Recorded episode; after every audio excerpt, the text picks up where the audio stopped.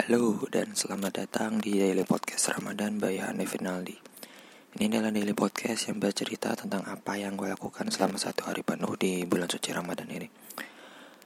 Alhamdulillah hari ke-29 Udah 29 kali kita berpuasa 29 hari kita sahur.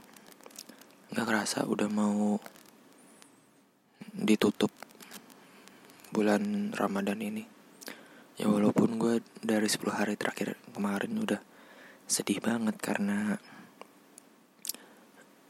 karena ya bulan bulan ini tuh adalah bulan yang selalu gue tunggu-tunggu.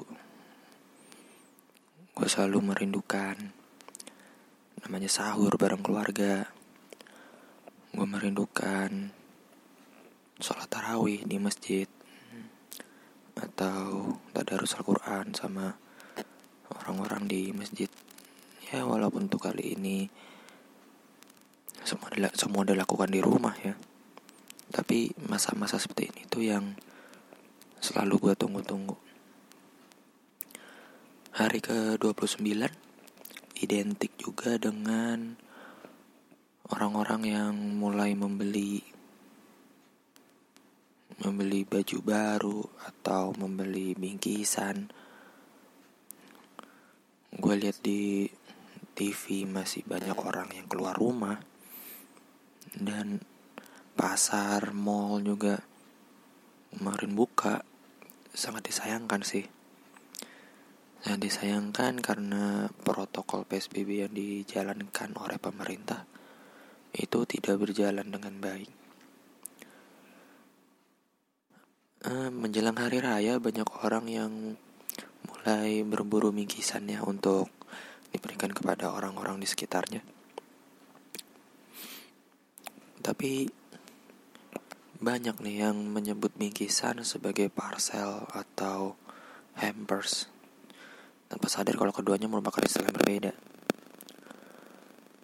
Uh, kalau kata parcel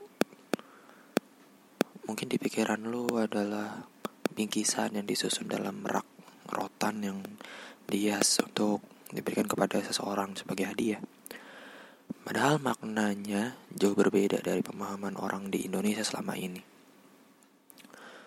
Kalau dalam bahasa Inggris, parcel punya arti a thing wrapped in paper in order to be carried or sent by mail alias sesuatu yang dibungkus kertas dan dikirim menggunakan pos. Sehingga parcel merujuk pada paket yang biasanya dikemas dengan kertas. Sedangkan hampers Hampers itu ternyata di Inggris merupakan sebutan untuk sesuatu yang mengacu pada keranjang anyaman. Biasanya berukuran besar dan digunakan untuk mengangkut barang maupun makanan. Sedangkan kalau di Amerika Utara, istilah hampers digunakan untuk menyebut keranjang peralatan rumah tangga. Misalnya keranjang laundry atau tempat untuk menyimpan alat-alat kebersihan. Karena itu, hamper bisa dibilang bingkisan yang dimuat dalam wadah serupa seperti keranjang.